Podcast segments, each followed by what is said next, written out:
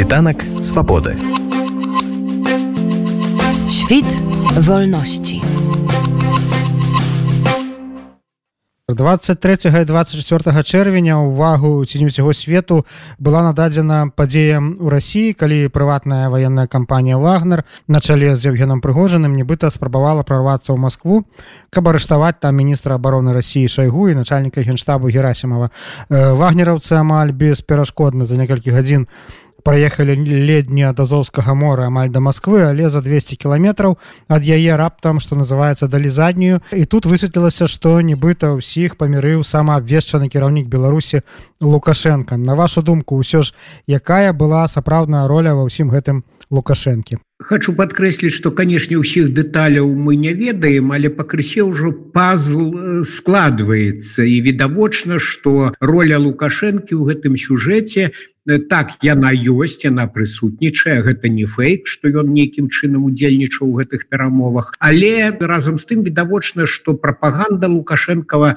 занадта раздзімае ягоную ролю. Вось ён доўга марыў усё уплішчыцца ў міратворчасць по ўкраіне шкадаваў что там Турцыя перахапіла гэтыя перамовы ў свой час і гэтак далей. Зразумела яму вельмі няўтульна было ў ролі суагрэсара ён неяк хацеў выскочыць з гэта амплуа зноў гэту тогу міратворца прымерыць. І тут раптам парадаксальным чынам у нечаканай сітуацыі не паміж Москвой і Украінай а паміж самімі расійцамі якія-нибудь на адным баку але схапіліся за чубы яшчэ болей прыгожан жа фактычна кінуў пальчатку Пуціну. Хоць ён наўпрост яго не абэсціў а толькі там шайгу іншых военачальнікаў і асоб з камарыльгі Пуці належ натуральна што гэта была кінута пальчаткай самому Пуціну і той зарэагаваў рэзка сказаў што это нож у спіну і што трэба нейтралізаваць. Ну то бок разаобрацца по поўнай праграме з прыгожаным і ягонымі наймітамі. І тут раптам вось такі парадаксальны нечаканы феерычны паварот сюжэту вось цяпер высвятляецца что насамрэч канешне перамовы вяліся і з боку адміністрацыі з боку высокапастаўленых вайскоўцаў з прыгожаным ёсць такая версія что былы ахоўнік Пуціна дзюмін які цяпер ёсць губернатарам тульскай вобласці актыўную роль згуляў. Карацей кажучы расійскія вось гэтыя людзі з атрачэння Пуціна самі найперш прыкладалі высілкі Ну а лукашенко выглядае выглядае на тое что ён спатрэбіўся крамлю як такая тэхнічная фігура э, тому что э, прыгожану трэба было даць магчымасць неяк выйсці болей-меней з захаваннем твару з гэтай сітуацыі. Ну і Пуціну таксама. І таму вось такі фінт вушамі быў зроблены что маўляў крымінальная справа ў дачыненні да прыгожана закрываецца а сам ён э, сыходзіць у Беларусі як сказаў прэс-сакратар э, Пуціна э, пяскоў. Тут яшчэ асобнае пытанне што будзе азначаць гэты сыход у Беларусь з кім ён ці з усёй сваёй гэтай э, кампаніяй сярод якой шмат просто крымінальнікаў там і гэтак далей. Ну але гэта наўрад ці найхутчэй што калі ён з'яецца ў Беларусі то з нейкай там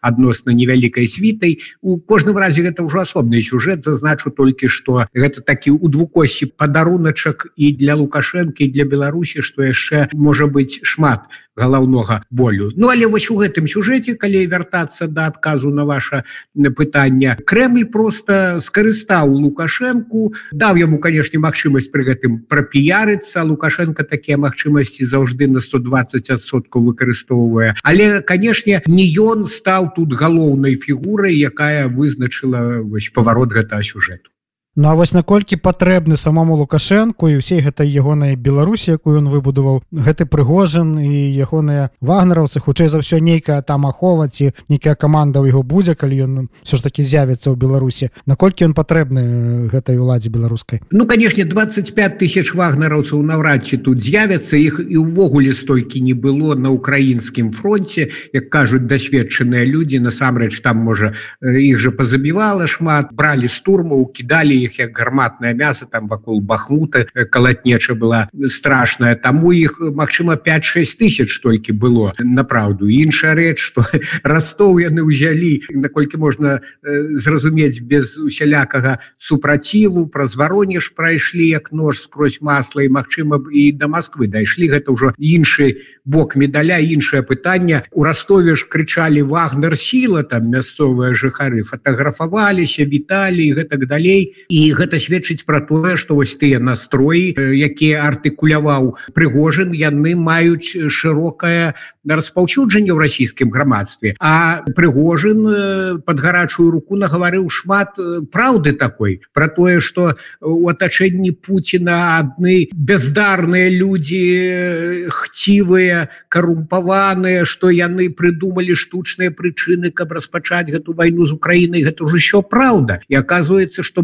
многім у Росіі гэта імпануе. Вось тое что былы кухар Пуціна пачаў рэзаць праўду матку у вочы. Гэта вялікае пытанне і гэта сітуацыя показывае няўстойлівасць хісткасць усёй гэтай сістэмы путинской это вялікі удар і психхалагічны для яго. Увогуле можна сказать такі момант прыніжэння. Але факт тое что тактычна ўсё ж таки Кремль тут перамог адужаў. Прыгожана выціснуў яго у Беларусь і лукашенко Я думаю что яго поставілі ў пэўнай ступені перад фактам. І надта яму тут капыліць губу было не з руки тому что чтоб не казалі все адно ж лукашенко хоть ён у гэтай ситуации сітуацыі для кагосьці наіўнага можа і выглядае таким выратавальнікам Пуціна выратавальнікам Росіі насамрэч канешне ён у вельмі таким падпарадкаваным становішчы знаходзіцца у адносінах да крамля.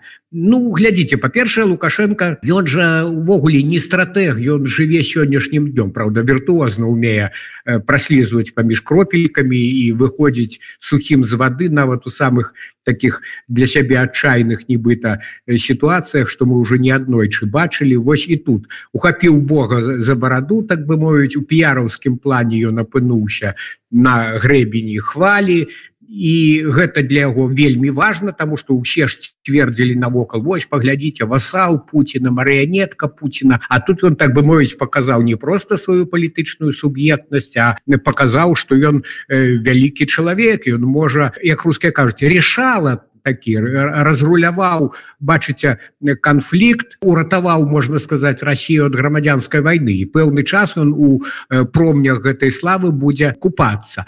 Ну потым прыгожин гэта ж не толькі ваяры нават не столькі ваяр гэта бізнесовец у яго і ў России бізнес вялікі быў ва ўсякім разе як цяпер будзе сказаць цяжка і у Афрыцы ён разгарнуўся там ён і золата і алмазы здабываў і дарэчы большая частка вагнера прычым сам самыя такія бойцы адчайныя загартаваныя яны менавіта там у Афрыцы ва ўкраіне ўжо ён карыстаўся так бы мовіць чалавечым матэрыялам другога гатунку як я ўжо сказаў. З турмаў там выцягвалі пэўную катэгорыю людзей гэтак далей. Так што упрыгожаны і лукашэнкі могуць быць а можа і ёсць супольныя бізнес-інтарэсы. Вось той самы пяскоў прэс-сакратар Пуціна сказаў што лукашенко прыгожин знаёмыя ўжо болей за 20 гадоў. Так што мы напэўна просто не ведаем нейкіх агульных спраў якія вялі вялі вядуць і Мачыма збіраюцца надалей яшчэ ў болей шырокім маштабе супольна весці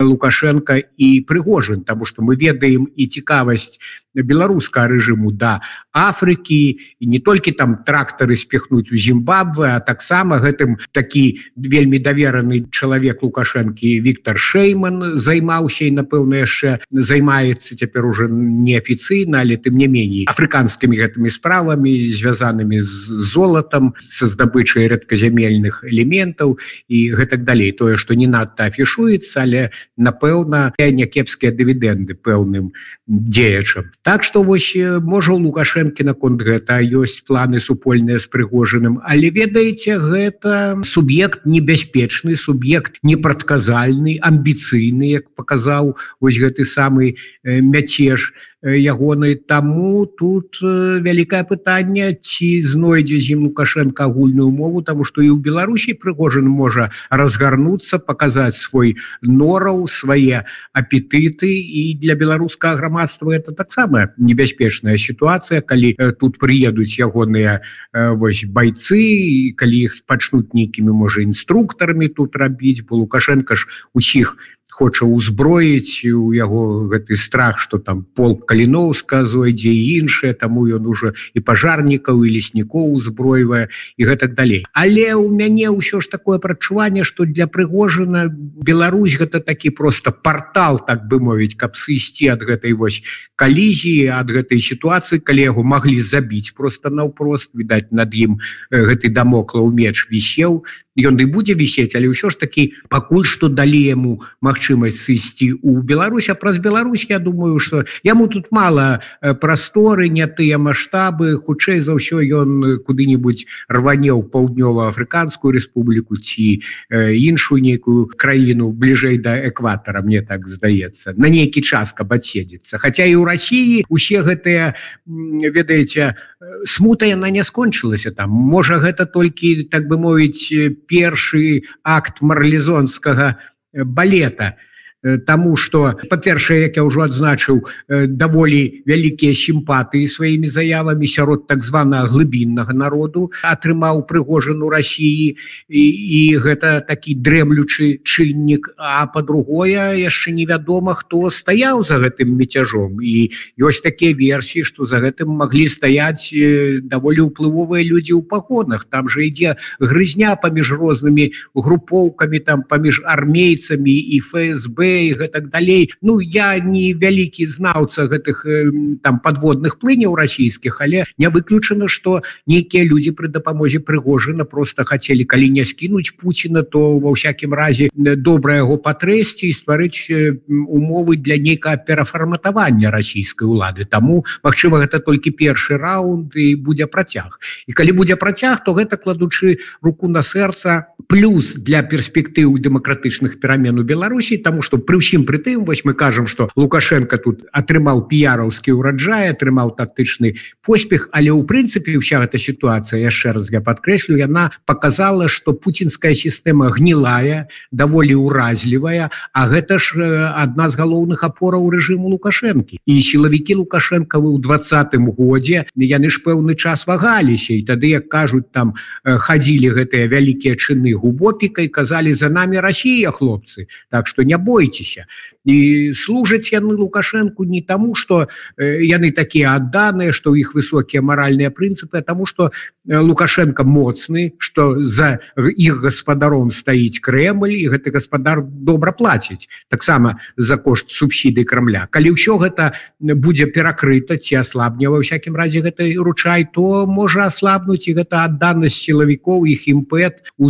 здушэнні пратэстаў у працягу рэпрэсій. Мы бачылі дарэчы як у тым жа ростове там же ставілі заслоны з тамтэйшага амона з паліцейскіх Ну і что прыгожанцы спакойна прайшлі гэтыя паліцейскія толькі раскланьваліся з імі і віталіся. Так что і в Беларусі можа ў пэўнай сітуацыі быць нешта падобнае калі у болей спрыяльных умовах падчас крызісу рэжыму сюды зойдзе пол каліноўскага і нейкія іншыя узброеныя фармаванні праціўнікаў рэжыму Світанак свабоды.